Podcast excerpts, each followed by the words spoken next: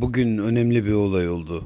Hayli genç kalktım bu sabah. Hizmetçim Mavra dışarıda fırçaladığı ayakkabılarımı getirince sordum saat kaç diye. Onu çoktan geçmiş olduğunu duyunca aceleyle kalktım giyindim. Doğrusu bu saatten sonra daireye gitmesem de daha iyiydi. Şube müdürümüzün nasıl surat asacağı belli. Ne zamandır dırdır ediyor zaten. Bıktım şu senin salla patiliğinden. Adam olmazsın sen. Kalemde sersemce mekik dokuyup kağıtları, evrakı birbirine katıyorsun. Noktadan sonra kelimelere küçük harfle başlıyorsun. Kayıtta evrakın tarih numarası da hak getire. Uğursuz leylek bacaklı herif. Kıskanıyor galiba. Ekselans odasına çağırır, kalemlerini açtırıyor ya bana. Açıkçası şu pinti muhasebeciyi yakalayıp birkaç kuruş avans koparmak umudum olmasa sardım bugün daireyi. O herif de az mal değil. Kıyamet kopsa bir aylık peşin vermez. Yalvar yakar ortandan çatla geber karşısında vız gelir kaç şeytana. Evde hizmetçisinden dayak yediğini bilmeyen yok zaten. Zaten bizim dairede çalışmanın faydası ne anlamıyorum. Aylıktan başka nesi var ki buranın? Ama hükümette, belediyede, defterdarlıkta çalışmak başka. Kalemdekiler arasında öyle mendeburlar var ki bir köşeciye sinmiş bir şeyler karalayıp duran adamlar görürsün. Üst baş dökülür. Suratına baktıkça insanın tüküresi gelir. Ama bir de herifin sayfiyede tuttuğu yazlığa bakın. Teşekkür niyetine yaldızlı bir fincanla yanına varamazsın. Doktor hediyesi bu diye bozu verir. Ya bir çift koşum atı ya bir araba ya da en az uşağı 300 rublelik kunduz kürk ister. Oysa ki duruşu öyle gönülsüz, konuşması öyle nezaketli ve alttandır ki kalemimi yontacağım. Lütfen çakınızı verir misiniz falanlar filanlar. Ama bir işiniz düşmeye görsün. Öyle bir yontar ki sizi. Bir don bir gömlek kalı verirsiniz ortada. Bizdeki hava bambaşka. Kibarlık, etraf pırıl pırıl. Eyalettekiler böyle temizliği düşlerinde görmemiştir. Masalarımız maundan, amirlerimiz hepimizle sizli bizli konuşur. Zaten çevrem bu kadar kibar olmasa ben de çoktan ayrılıp giderdim. Hayli eskiyen paltomu giydim. Sağanak halinde yağmur yağdığı için şemsiyemi aldım. Sokaklarda doğru dürüst kimse yoktu. Sadece eteğini başına devşirip işe giden gündelikçi karılar. Dükkanlarını açmakta acele eden şemsiyeli küçük esnaf. Ayrıca birkaç odacıya rastladım. Şöyle efendi kılıklı kimselerden. Yol kavşağında benim gibi bir tek memur gözüme ilişti. Ama görür görmez işi çaktım. Yo birader seninki daireye gidiş değil dedim. Şu önünde yürüyen dişiye yetişmeye çalışıyorsun. Gözlerin Yosman'ın bacaklarında.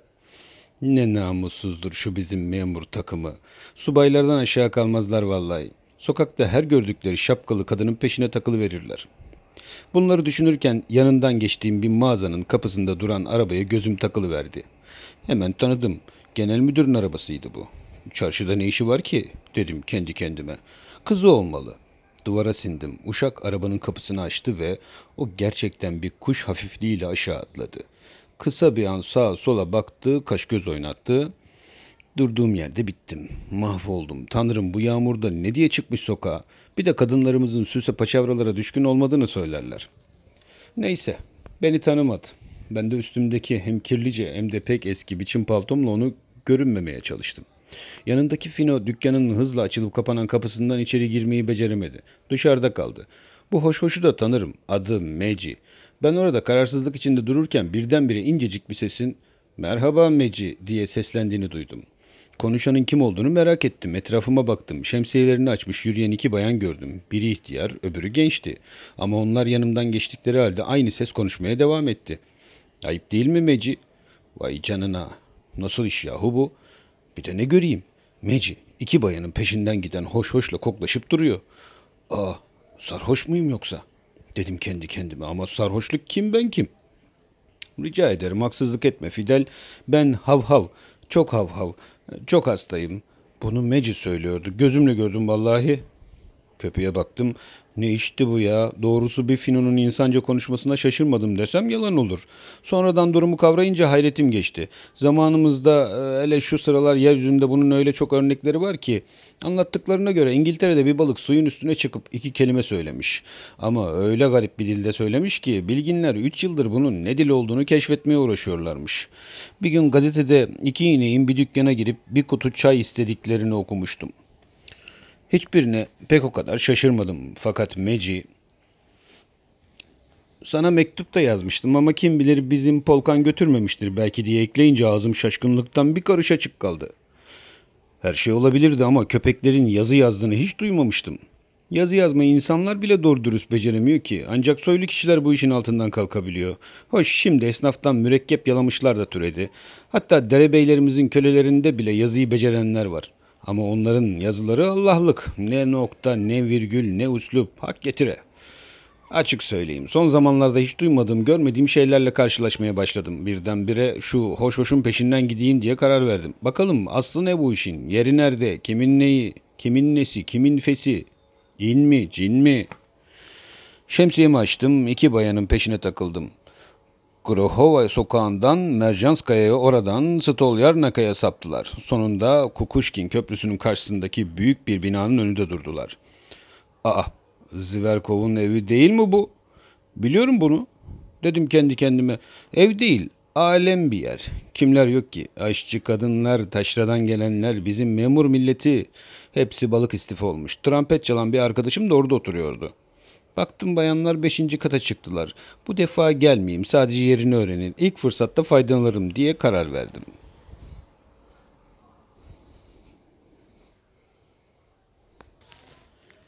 Bugün çarşamba olduğu için genel müdürün odasında çalıştım. Mahsus erkenden geldim. Ne kadar kalemi varsa hepsini yonttum. Bizim müdür çok akıllı adam besbelli. Yazanesi kitap dolaplarıyla dolu. Kitapların bazılarının adlarını okudum. Hep çeşitli bilimler hakkında. Bizim anlayacağımız kadar anlamayacağımız kadar anlayacağımız olur mu? Yüksek eserler. Fransızca, Almanca falan filan. Zaten adamın yüzüne bakmak yeter. Hepsi, hepsi, hepsi aşme takıyor sanki yüzünden diye bağırıyor. Bütün organlarının. Ağzından bir tek gereksiz laf çıktığını duymadım. Bazen evrak getirince hava nasıl diye sorar. Yavuyor ekselans derim. Öyle bizlere benzemez devlet adamı. Ne olursa olsun bana ayrı bir sevgisi olduğunun da farkındayım. Bari kızı da e, şey em, neyse susayım. O günkü arıyı okudum. Şu Fransızlar ne ahmak millet. Nedir istedikleri? Elime geçse hepsine basardım sopayı vallahi. Bir de kurslu bir derebeyinin pek hoş bir baloyu anlatışını okudum. Ne güzel yazar şu kurslular. Bir aralar saatin yarımı çaldığını duydum. Bizimki dairesinden henüz çıkmamıştı. Ama bir buçuğa doğru öyle bir şey oldu ki bunu anlatmaya hiçbir kalemin gücü yetmez. Kapı birdenbire açıldı. Ben de müdür geliyor diye dosya elimde yerimden fırladım. Müdür değildi, oydu. Tanrım, azizlerim,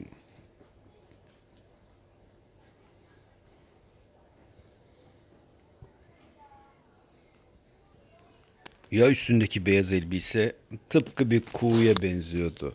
Bakışı, güneş, güneşin ta kendisi. Selam verdi bana. Sonra babam geldi mi diye sordu. Ne sesti o, ne ses. Kanaryalar onun yanında hiç. Diyecektim ki ona, küçük hanımefendi, kulunuz, köleniz olayım, küçük hanımefendi. Diyemedim ama Allah canımı alsın dilim varmadı. Sadece hayır efendim henüz gelmediler diyiverdim. O kadar.'' O da bana bir haftaki kitabı, kitaplara baktı. Sonra elindeki mendili düşürdü. Atılarak yerden kaptım ama kör olası cilalı parkelerde az kalsın kapaklanıyordum yere. Mendilini sundum. Nasıl anlatayım o mendili? En ince patisten, gar gibi beyaz.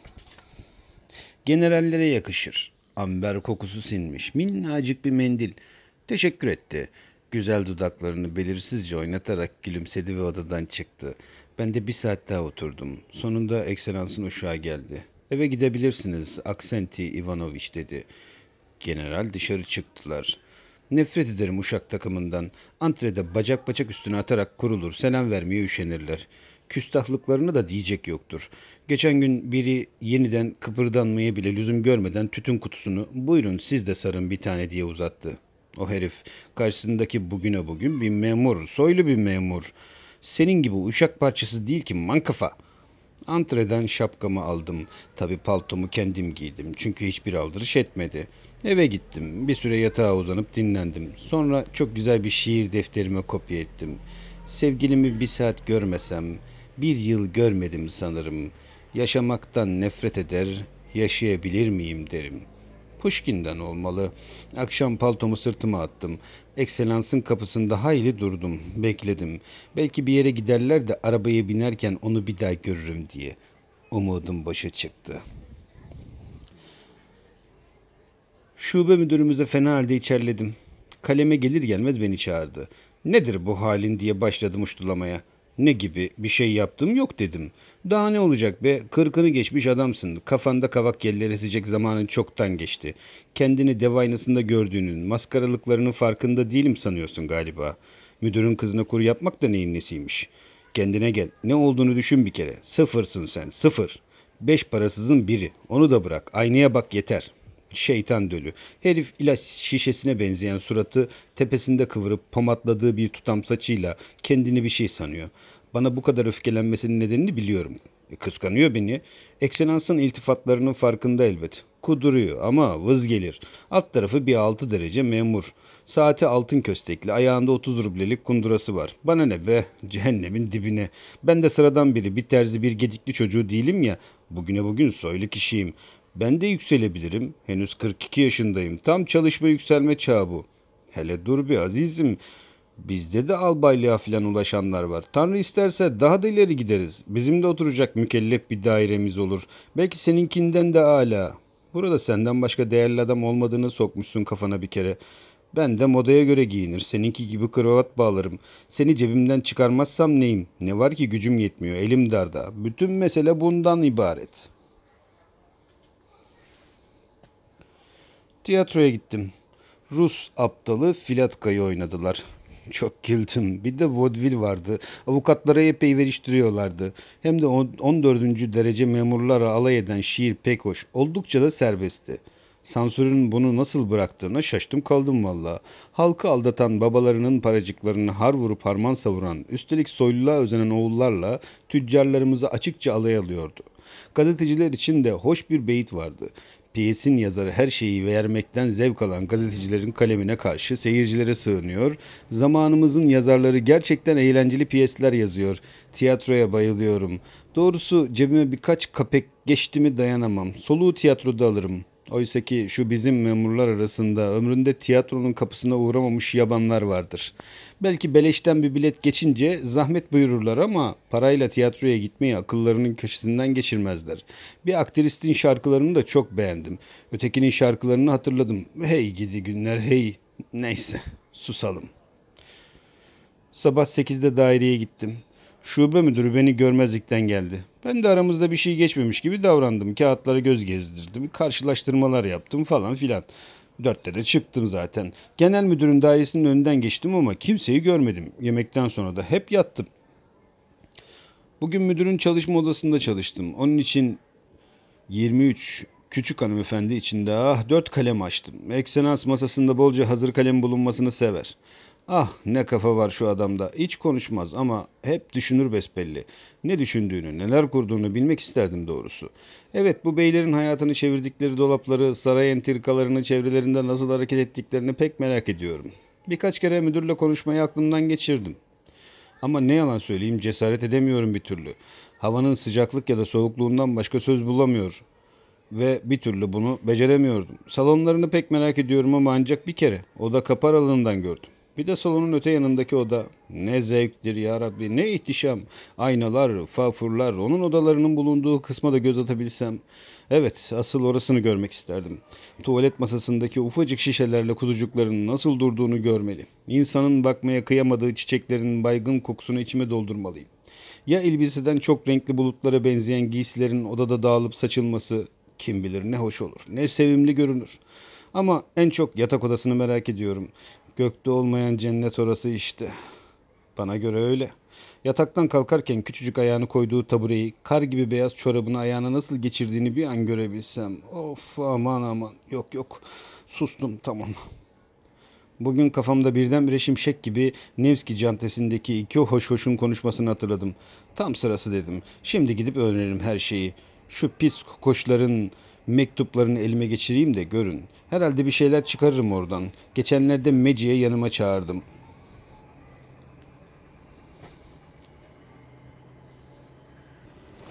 Beni dinle Meci dedim. Şurada yalnızız. İstersen kapıyı da kapatırım. Kimse görmez bizi.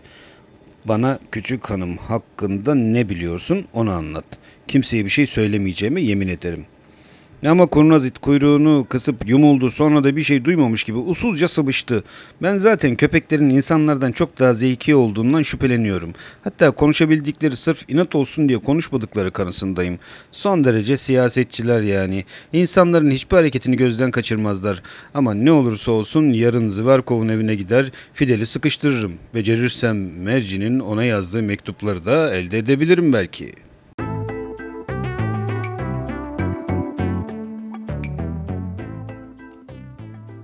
Saat iki buçukta evden çıktım. Ne yapıp yapıp Fidel'i görüp istediklerimi ondan öğrenmeye karar verdim. Mercankaya sokağındaki bakkal dükkanlarından yayılan son derece nefret ettiğim ekşi lahana kokusu yetmezmiş gibi evlerin kapısından da insanın burnunun direğini kıracak çeşitli ağır kokular taşıyordu. Var gücümle oradan uzaklaşmaya baktım. Ama bu defa da namussuz peşimi bırakmıyor. Ağzımı burnumu tıkıyordu. Sonunda Zverkov'un o koca apartmanına geldim. Altıncı kata tırmandım, zile bastım. Kapıyı hafif çilli, pek de çirkin olmayan bir kızcağız açtı. Kızı tanıdım. Geçen gün ihtiyar kadınla sokakta gördüğüm kızdı. Beni görünce kızarır gibi oldu. Durumundan hemen anladım. Koca peşindesin sen kızım diye düşündüm. Kimi aradınız efendim? Köpeğinizle görüşeceğim. Kız amma da aptal şey. Tam bir aptallık örneği. Neyse uzun boylu konuşmamıza lüzum kalmadan köpek havlayarak yanımıza geldi. Elimi uzatıp yalamak istedim ama uğursuz it beni burnumdan yakalayacaktı neredeyse. O anda antrenin bir köşesinde sepetini gördüm. Oraya seyirttim. İçine alt üst ettikten sonra ince bir minderin altında bir deste ufak kağıt çıkardım. Sevincimi anlatamam size.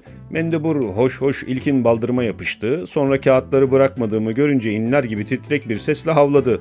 Yaltaklanarak ayaklarımın dibine yattı. Aldırış etmedim. Hoşça kal hoş hoşum dedim. Dışarı attım kendimi. Galiba çilli kız beni deli sandı. Korkusu görülecek şeydi doğrusu. Eve gelip hemen mektuplara bakmak istedim. Lamba ışığında sökemezdim yazıları. Ama bizim Mavra'nın da gene temizlik damarları kabarmış tahta siliyordu. Yerli yersiz temizliğe kalkışan şu ahmak finli kadınlar gibisini hiç görmedim. Mektup okumaktan vazgeçtim. Dışarıya çıkıp dolaştım. Bir yandan da meseleyi düşünüyordum. Öyle sanıyorum ki bu mektuplar sayesinde her şeyi bütün ayrıntılarıyla anlatabilecektim. Köpekler gibi zeki yaratıklar gizli kapaklı siyasi ilişkileri hemen sezerler. Herhalde o mektuplarda bizim ekselanslarına ait de bazı şeyler olmalıydı. Şüphesiz ondan da bahsediyor. Ondan da ama bu konuya dokunmayalım. Şş, susalım. Akşama doğru eve döndüm. Vaktimin çoğunu yatmakla geçirdim. Artık sıra mektuplara geldi. Bakalım neler var içinde. Yazı oldukça okunaklı ama gene de bir köpeklik var üstünde. E okuyalım o zaman. Sevgili Fidel, darılma ama senin şu basit adına bir türlü alışamıyorum kardeşim. Daha iyisini bulamadın mı seninkiler? Neyse geçelim bunu. Seninle mektuplaşmayı çok iyi düşündük değil mi? Doğrusu mektup düzgün yazılmış ne noktalamada ne imlada hata var. Üniversite mezunu diye geçinen şube müdürümüz bile beceremezdi bu kadarını. Neyse devam edelim. Düşünce ve duygularımızı başkalarıyla paylaşmak en büyük zevktir bence. Şuna bak. Ama bu sefer Almanca bir eserden aşırılmış olmalı. Kimden şimdi aklıma gelmiyor ama. Bunu tecrübeye dayanarak söylüyorum Fidelciğim. Gerçi dünyayı evimizin kapısının ötesinde gördüğüm yok ama bildiğim kadarı hem hayatım tam bir huzur, bolluk içinde geçiyor. Evdekilerin Sophie diye çağırdıkları küçük hanımım deli oluyor benim için. Ah neyse susalım, susalım.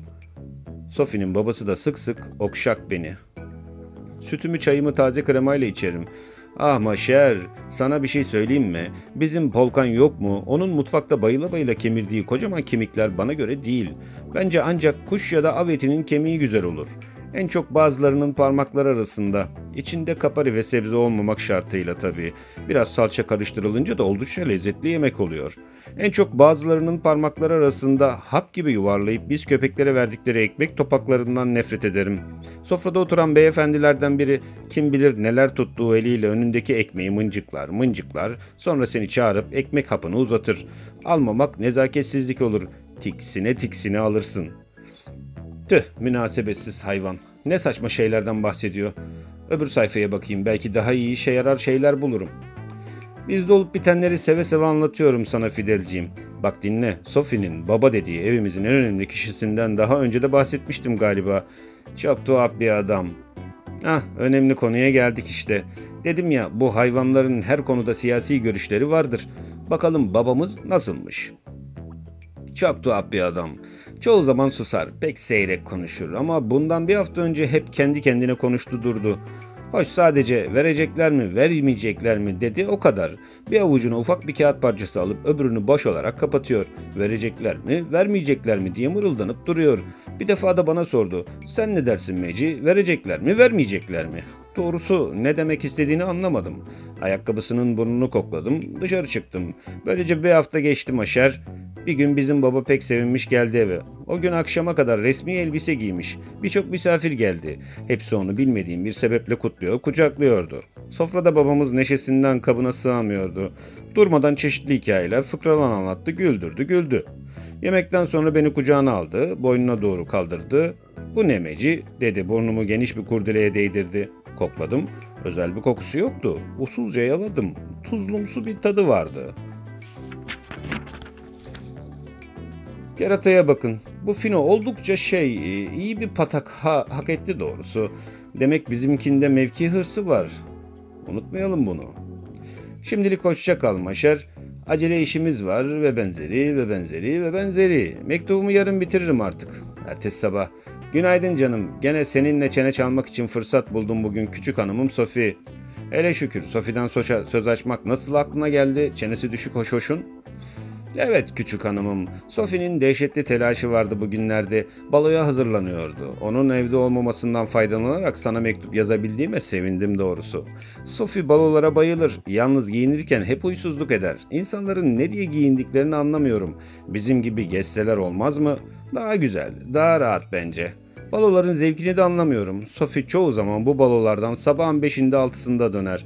Bitkin, süzgün, halinden zavallının orada aç kaldığını anlarım. Ben kendi hesabıma böyle bir hayatı istemezdim doğrusu.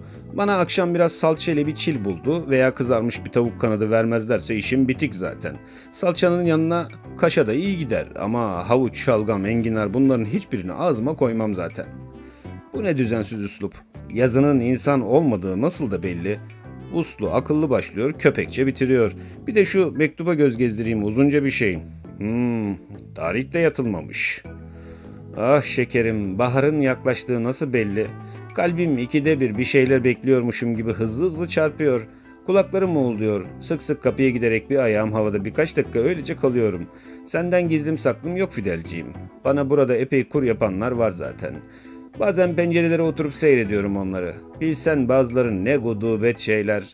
Bakıyorsun kasabada bir sokak köpeği hımbıllığı üstünden akıyor ama sokakta kasıla kasıla yürüyüşünü görme. Herkes bayılmış ona sanki. Ben de çalımını görmezlikten gelerek başka yana bakıyorum. Bir de korkunç bir buldog var sokağımızda. O da pencerenin önüne dikilip duruyor. Öyle kocaman ki arka ayaklarının üstüne kalksa boyu belki Sophie'nin babasını geçer. Hoş aptallığından beceremez bunu ya. Bizim ahbap hem aptal hem de küstah. Hırlamalarımı aldırış etmiyor. Dili dışarıda koca kulaklarını sarkıtıp patlak gözlerini penceremden ayırmıyor. Kabanın biri anlayacağın. Tabii hepsine karşı ilgisiz kalamıyorum Maşer. Ya örneğin komşumuzun duvarından atlayan Trezor'u görsen nah Maşer ne güzel yüzü var. Tüh kahrolası pis köpek. Böyle ıvır zıvırla mektup doldurulur mu hiç? İnsandan bahset bana. İnsan lazım. İnsan görmek istiyorum. Manevi gıdaya, ruhumu besleyen ve beni avutacak gıdaya ihtiyacım var. İpe sapa gelmez köpek saçmalıklarına değil. Bu sayfayı atlayıp öbürüne bakayım. Belki daha akıllıca şeyler bulurum. Sophie masanın önünde bir şeyler dikiyordu. Ben de pencereden dışarı bakıyordum. Geleni geçeni seyretmeye bayılırım bilirsin. Birdenbire odaya uşak girdi. Bay Teplow diye haber verdi. Sophie'nin halini görmeliydin. Fidelciğim o anda Bay Teplow'u içeri al. Hemen içeri al.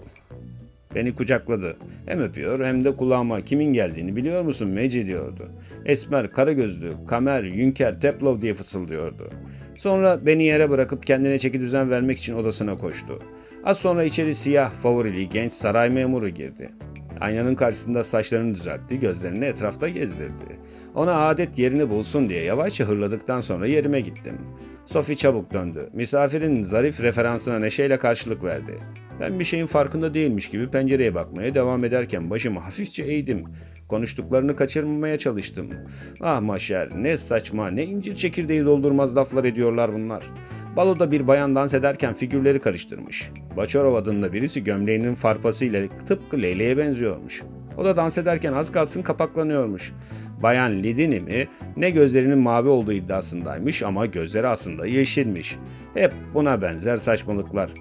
Kendi kendime şu Kamer Yünker nerede, benim Trezor nerede diye geçirdim. Neredeyse yerle gök arasında fark. Kamer Yünker'le yüzü dümdüz aplak, favorileri de yanaklarına saran siyah bir banda benziyor. Halbuki Trezor'un suratı incecik, alnının ortasında nefis beyaz bir renk var.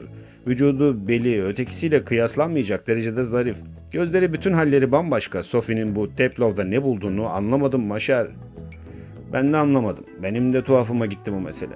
Nereden çıktı bu Teplov? Merak ettim doğrusu. Bakalım neler çıkacak bunların altından. Bu Kamer Yünker'i beğendikten sonra dairede babasının odasında çalışan memur da hoşuna gidebilir. Ah o adamı görsen Fidel öyle biçimsiz bir şey ki torbaya girmiş kaplumbağaya benziyor adam. Kim bu memur acaba? Kimi kastediyor Hınzır hoş hoş. Soyadı da kendisi gibi tuhaf. Sophie'nin babasının çalışma odasına gelip ne kadar kalem varsa hepsini yontuyor. Baba bazen odacısı yokken öteye beriye de koşturuyor onu. Görünüşü acayip. Başındaki saçları bir tutam saman sanki. Namussuz it. Beni kastediyor galiba. Yalnız saçlarım neden samana benziyormuş onu anlamadım. Sophie gülmeden bakamıyor bu adama. Halt etmişsin uğursuz hayvan. Ne pis dili var şu itin. Hoş bütün bunlar çekememezlikten uyduruluyor biliyorum. Kimin altından çıktığını da biliyorum. Hep bizim şube müdürünün domuzluğu bu. Herif kanlı bıçaklı düşmanım oldu. Elinden gelen kötülüğü yapıyor. Bir mektup daha var. Ona da bakalım. Belki her şeyin çözümü bundadır belki. Olamaz mı? Maşer Fidel. Uzun zamandır sana mektup yollamadığım için bağışla beni. Yazarlardan biri aşk ikinci hayat demiş. Çok doğru. Son günlerde ben de hayal aleminde yaşadım. Ayrıca evimizde önemli olaylar hazırlanıyor. Kamer, Yünker her gün gelip gidiyor. Sophie delicesine aşık ona. Babasının da keyfi yerinde. Odaları süpürürken kendi kendine konuşan uşak Grigori'den evimizde yakında bir düğün olacağını duydum. Babası Sophie'yi bir generalle ya Kamer Yünker'le bunlardan biri olmazsa bir albayla evlendirecekmiş. Şeytanın dölü. Ötesini okuyamam artık. Kamer, Yünker ya da general ha? Öyle ya, dünya nimetleri hep onlar için. Bizim gibi fakirler hayattan nasip almaya kalkınca daha elini uzatmadan bir kamer, yünker veya generallerden birinin önünden kapı verirler. Allah'ın belaları. General olmak isterdim doğrusu. Ama evlenmek filan için değil, hayır, sırf ben general olunca bunların karşımda nasıl parende atıp saray usulü katakulli okumaya kalkışacaklarını görmek için. Sonra ikisinin de suratına tükürüp uzaklaşırdım. Tümü yerin dibine bassın, mendebur köpeğin mektuplarını yırtıyorum işte. Yok yok olmaz bu. Yalan. Olmayacak bu evlenme. Varsın herif saray memuru olsun. Ünvandan ne çıkar? Elle tutulmaz, gözle görülmez. Kamer Günker oldu diye. Tanrı ona üçüncü bir göz vermemiş ya. Burnu ağzının altında değil. Herkes gibi ağzıyla yiyip öksürüp burnuyla koklar hapşırır. Hepimizden farksız bir insan demek istiyorum yani. Üstünlüklerinin nereden geldiğini düşündükçe aklım karışıyor adeta. Niçin ben 7. derece memurum? Neden? Hem belki ben de öyle değilim yani 7. derece memur değilim. Sadece öyle görünüyorum. Aslında bir kont veya bir generalim ben. Belki kimliğimi kendim bile bilmiyorum. Tarihte buna benzer örnek pek çok basit hatta soylu olmayan biri bir şehirli ya da bir köylü zamanla yüksek ünvanlara erişebiliyor. Baron falan çıkabiliyor yani. Bir müzik için mümkün olan soylu bir kişi de haydi haydi. Örneğin ben şimdi sırtımda general üniform, üniforması, omuzlarımda pırıl pırıl apoletler, göğsümde çaprazlama mavi kurdela ile ortaya çıkıversem. Bakalım bizim Dilber ne yapar? Babacığı sayın müdürümüz ne hallere girer? Ah ne çıkarsa bunlardan çıkar. Mason yüzde yüz masondur bunlar. Ben şuyum, ben buyum diyor ama ben onun mason olduğunu ne zamandır anladım zaten. Tokalaşırken sadece iki parmağını uzatır. Düşünüyorum da şimdi şu anda genel levazım müdürü veya buna benzer bir makam sahibi olabilirdim. Pekala olabilirdim. Neden olmasın? Öyleyse niçin 7. derece memurum ben? Neden?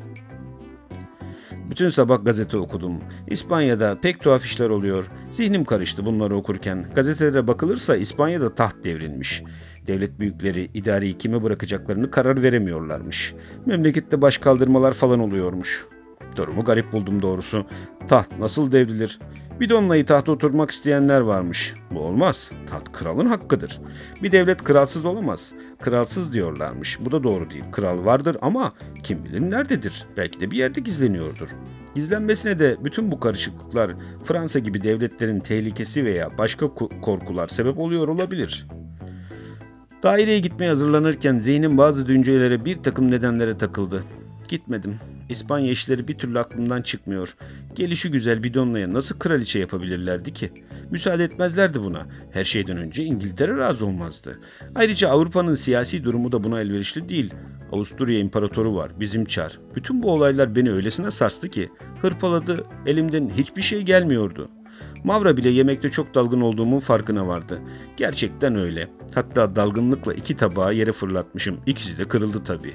Yemekten sonra dışarı çıkıp epey dolaştım ama işe yarayacak bir şey sağlayamadım.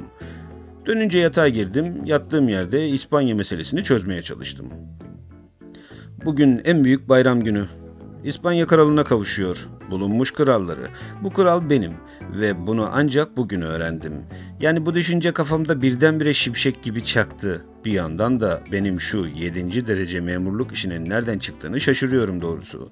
Ne saçma düşünce. İyi ki bu yüzden şimdiye kadar tımarhaneye tıkmadılar beni. Şimdi her şey önümde tabak gibi apaçık oldu. Eskiden bunlar sanki bir sise bürünmüş gibiydi. Bunun nedeni de beynimizin kafatasından bulunduğunu sanmaktan ileri geliyor. Oysa ki durum bambaşka. Beynimizi Hazar Denizi tarafından esen rüzgar getiriyor. Her şeyden önce kimliğimi bazen bizim Mavra'ya açıklarım. Kadın karşısında İspanya kralını görünce korkudan ölecekti neredeyse diye. Budalanın hakkı vardı. Ömründe İspanya kralı görmemişti ki zaten. Ama onu yatıştırdım. Olanca alçak gönüllülüğümle korkmamasını, bazı günler kunduralarımı iyi temizlemediği halde kin tutmadığımı söyledim ona. Ne yapsın Karacahil zavallı. Korkusu da İspanya kralının hepsinin tıpatıp 2. Filip'e benzediğini düşünmesinden geliyor. Ama bir Mavra ile böyle yüksek konular üzerinde fazla konuşamazdım elbette. Genelde, genelde 2. Filip'le en ufak benzerliğim olmadığını, mahiyetimde bir tek kara papaz bulunmadığını anlayabileceğini bir dille açıkladım. Tabi daireye gitmedim. Canı cehenneme dairenin. Bir daha zor görürsünüz beni orada. Dostlarım pis kağıtlarınızı başkalarına kopya ettirin. Bugün idari memurumuz geldi. Üç haftadır daireye gelmiyormuşum. Gelmem için tebligat yaptı ama hafta hesabı yanlış bir hesap. Yahudiler hahamların yıkanma adetlerine göre kurmuşlar bunu. Laf olsun diye kalktım gittim daireye. Şube müdürü ona selam verip özür dilememi bekliyordu galiba. Onu ne çok kızgın ne de fazla yumuşak bir halle süzdükten sonra tam bir kayıtsızlıkla yerime oturdum. Etrafımdaki bütün memur takımına bakarken düşündüm. Şu anda aranızda kimin bulunduğunu bilseniz kim bilir nasıl telaşa düşerdiniz. Şube müdürümüz de genel müdüre yaptığı gibi iliklenerek önümde eğilecekti. Özet çıkarmam için önüme bir yığın evrak sürdüler. Açmadım bile. Birkaç dakika sonra kalemde bir telaş başladı. Kalem müdürün geleceğini haber veriyordu. Gayretkeş memurların çoğu yarış edercesine karşılamaya koştular. Ben yerimden bile kıpırdamadım. Müdür kaleme girdiği zaman benden başka hepsi ceketleri, redingotları iliklemiş, ayakta bekliyordu. Genel müdür kimmiş ki ona ayağa kalkacakmışım. Genel müdür değil, mantar o mantar. Şişelerin ağzına kapattıkları mantar. Tam o sırada katip imzalamam için önüme bir kağıt koydu. Güldüm içimden. Evrakın bir ucuna masa amiri filanca diye yazmamı bekliyorlardı. Geçmiş günlerin imzası o. En başa genel müdürün imzaladığı yere şahane bir 8. Ferdinand kondurdum. Çevremizi saran saygılı sessizlik görülecek şeydi ama ben sadece hafif bir el işaretiyle Rica ederim fazla bağlılık gösterilir istemem dedim koridora çıktım. Kalemden doğruca genel müdürün lojmanına gittim. Kendisi evde olmadığı için uşak beni içeri almak istemedi. Ama ona öyle bir şey söyledim ki herif olduğu yerde dona kaldı. Ben de onun odasına doğruldum. Aynanın karşısında oturuyordu. Beni görünce yerinden fırladı. Geriledi. İspanya kralı olduğumu söyledim. Yalnız hayalinde bile göremediği mutluluğun kendisini beklediğini, düşmanlarımızın bütün densizliğine rağmen birleşeceğimizi söyledim ve çıktım. Ah ne hain yaratıklar şu kadınlar. Kadının ne olduğunu, kalbine kimin adadığını ancak şimdi anladım. Bunu ilk anlayan benim galiba kadın şeytana aşıktır. Evet şaka etmiyorum. Fizikçilerin Hakkında yazdıklarının hepsi saçma. O sadece şeytanı sever. Bakın şimdi bile parter locasından oturan şu fettan dişinin dürbününü göğsü nişanlarla donanmış şişkoya mı çevirdiğini sanıyorsunuz? Değil. Adamın arkasında durup sırıtan şeytana bakıyor o iblis. Şimdi herifin frakının içine saklanmış. Kadına parmağıyla işaretler yapıyor. Kadını avlamış bile. Onundur artık. Herkesin nabzına göre şerbet veren, saray kapılarını aşındıran, kendilerini yurtsever diye satan yüksek rütbeli, yüce ünvanlı babalar da sadece yağlı kuyruk peşinde. Evet, yağlı kuyruktan başka düşünceleri yok bu yurtseverlerin. Para için, yalnız anasını babasını değil, tanrısını bile satar bu çıkarcılar. Hırs boğmuştur onları. Hırsın tohumu da küçük dilin altında. Ufacık bir kesenin içinde toplu iğne başı kadar minnacık bir kurttur. Grohovaya sokağında oturan bir berber hazırlıyormuş bunu. Berberin adını da biliyorum ama aklımdan çıktı. Bir ebeyle el ele vererek bütün dünyayı, Müslümanlığı yaymaya çalışıyorlarmış. Hatta Fransa'da şimdi bile halkın büyük bir kısmı İslam dinini kabul etmiş bile. Kimliğimi açıklamadan Nevski Caddesi'nde dolaştım. Tam o sırada arabayı içinden Çar Cadde'den geçti. Gelen geçenler şapkalarını çıkararak Hakan'ımızı selamladılar. Ben de aynı şeyi yaptım ama İspanya kralı olduğumu sezdirmedim. Gerçi ulu orta açıklamayı yakışıksız buldum. Çünkü ilkin saraya takdim edilmem gerekiyordu. Bunu şimdiye kadar yapamayışım da milli İspanya kıyafetim olmayışından geliyordu. Harmaniye benzer bir şey uydurabilsem terzimi, terziyi ısmarlayacaktım ama hepsi eşek bunların. İşi boş veriyorlar hepsi de. Herkes işin kolayına bakıyor. Bunlar da sokaklara dökülmüş. Kaldırım mühendisliği yapıyor. Sonra aklıma geldi. Topu topu iki kere giydiğim yepyeni bir resmi redingotum vardı. Onu bozup bir harmaniye uydurayım bari dedim. Ama namussuz kumaş bozucularına verip rezil etmelerini gönlüm razı olmadı. Kendim diktim. Kimse görmesin diye odamı kilitledim. Redingotun şurasını burasını makasla makaslaya makaslaya gereken biçime soktum. Tarihi hatırlamıyorum. Ayı yoktu çünkü. Şeytanın içinden çıkamayacağı bir şey vardı. Harmaniyem hazır. Giydiğim zaman odaya giren Mavra çı- çığlığı bastı. Her şeyim hazır olduğu halde saraya gitmeye bir türlü karar veremiyorum. İspanya'yı temsil eden heyet hala gelmedi. Mahiyetim olmadan tek başıma nasıl giderim? Haysiyetimi düşüremem doğrusu. Gelirler nasıl olsa. Ben biraz daha bekleyeyim. Heyetimizin bu kadar gecikmesine şaşırıyorum doğrusu. Onları gelmekten alıkoyan ne olabilir acaba? Bu da mı Fransa'nın işi yoksa? Evet evet. En aksi devlet budur. Postaya gittim. İspanya'dan heyetin gelip gelmediğini sordum. Müdür ahmağın biri hiçbir şeyden haberi yokmuş. İspanya heyeti de ne dedi? Gelmedi böyle biri. Oraya mektup yollamak istiyorsanız tarifesine göre pullar göndeririz. Canı cehenneme senin de mektubunun da. Saçmalığa bak. Mektup yazacakmışım. Mektubu eczacılar yazar ama onlar da ilkin dillerini sirkeye batırır. Böyle yapmazlarsa suratlarında çıban çıkar. İşte İspanya'dayım. Öyle çabuk oldu ki bu, hala kendime gelemedim. Bu sabah İspanya'dan heyet geldi. Hep birlikte arabaya bindik. Yalnız tuhafıma giden bir şey var. Arabamızın inanılmaz derecede hızlı gitmesi. Yarım saat içinde İspanya sınırına vardık. Gerçi bu zamanda Avrupa demiryollarıyla vapurları son derece hızlı işliyor ya. Garip memleket şu İspanya. Sarayda ilk girdiğimiz odada başları tıraşlı bir insan kalabalığı gördüm. Bunların İspanya asilleriyle şanlı askerler olduğunu hemen anladım.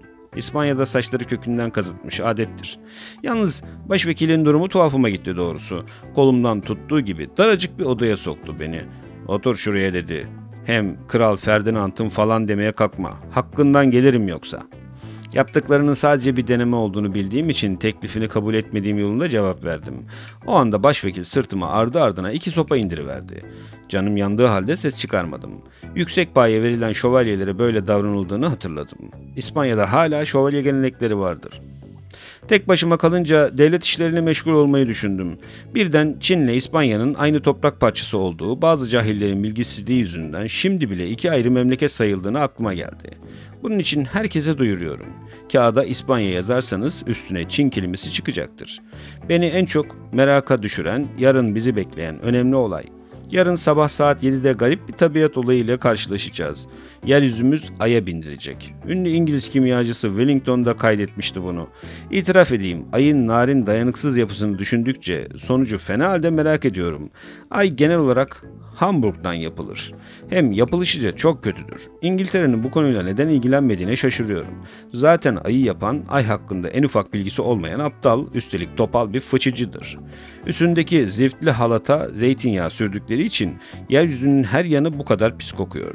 Öte yandan bu derece nazik, ince yapılı ay, insanların orada barınması için elverişli değildir. Sadece burunları yerleşebilir aya. Zaten bu yüzden ayda bulunan burunlarımızı göremeyiz. Şimdi ayın yeryüzümüz gibi ağır bir nesne altında kalmasıyla burunlarımızın nasıl pestil haline geleceğini düşündüm ve kuşkulandım doğrusu. Çorabımı kunduralarımı giyerek doğru toplantı salonuna gittim. Polis kuvvetlerinin yeryüzünün ayın üstüne oturmasını önlemeleri için emir verecektim. Toplantı salonunda gene kafaları tıraşlı bir sürü soylu kişiyle karşılaştım. Baylar dedim, ay tehlikededir. Yeryüzüne bindirecek, kurtaralım ayı. Bunu söyler söylemez zeki anlayışlı İspanya soyluları emrimi yerine getirmek için hep birden öne atıldılar. Bazıları ayı korumak maksadıyla duvara tırmanmaya başladılar. Ama tam o sırada salona başvekil girdi. Herkes kaçıştı. Kral olduğum için orada tek başıma kaldım. Acayip başvekil sırtıma sopa indire indire beni odama soktu. İspanya'nın milli gelenekleri pek şiddetli doğrusu. Hala İspanya'nın nasıl bir yer olduğunu anlayamadım dersem inanın bana. Buradaki gibi milli gelenek ve saray etiketi hiçbir yerde görülmemiştir. Anlamıyorum hiç ama hiçbir şey anlamıyorum. Bugün rahip olmak istemediğimi bağıra çağıra söylediğim halde benim de kafamı kazıdılar. Hele başıma damla damla buzlu su akıtmaya başladıkları zaman ne hale geldiğimi anlatamam. Bu çeşit işkenceyi ömrümde duymamıştım. Çıldıracak gibi oldum. Güç tuttular beni. Bu acayip adetin de anlamını anlamadım. Ahmakça, hunharca bir gelenek. Bunu şimdiye kadar kaldırmayan kralların akılsızlığına şaşarım doğrusu. Başka bir ihtimal düşündüm. Sakın Engizisyon kuruluna düşmüş olmayayım ben. Başvekil sandığım adam da büyük Engizisyoncu belki. Yalnız anlamadığım nokta bir krala nasıl da ne cesaretle Engizisyon işkencesi yapabilirler? Gerçi bu işte Fransa'nın özellikle Polinyak'ın parmağı varsa her şey beklenir doğrusu. Ah ne namussuz o Polinyak. Beni yok etmeye kafasına koymuş bir kere. Peşimi bırakmaz artık. Ama senin de İngilizlerin kuklası olduğunu bilmiyor değilim dostum. İngiliz büyük siyasetçi her taşın altından çıkar. Boşuna dememişler. İngiltere enfiye çekince Fransa hapşırır diye. Büyük Engizisyoncu bugün gene geldi. Adamlarının sesini duyar duymaz sandalyenin altına girdim. Beni görmeyince çağırmaya başladı. İlkin Paprişçev diye seslendi. Ses çıkarmadım. Arkasından Aksenti Ivanov, 7. derece memur soylu kişi. Benden ses çıkmayınca bu defa İspanya Kralı 8. Ferdinand diye olanca sesiyle haykırdı. Kafamı uzatacak oldum ama sonra ya ama yok çürük tahtaya basmam ben. Gene başıma soğuk su dökmeye başlarsın diye vazgeçtim.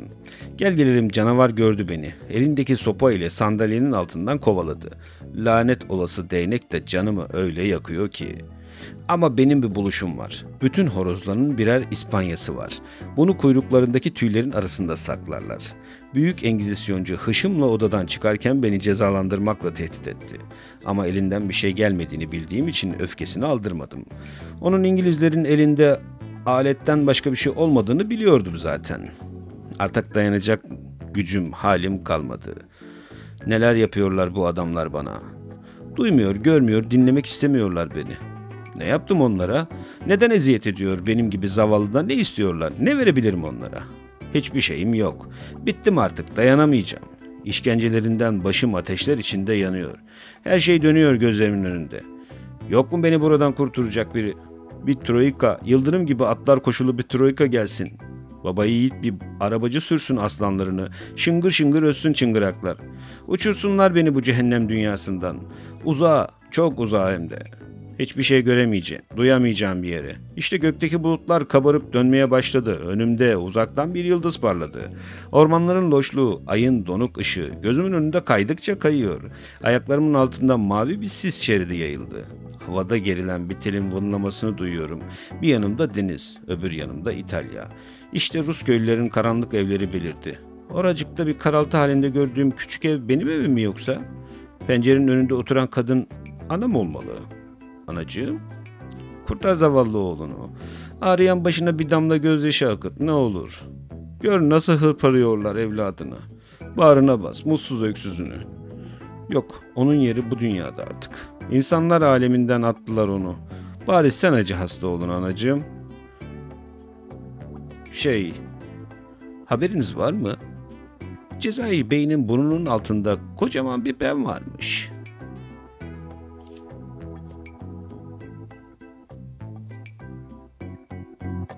Müzik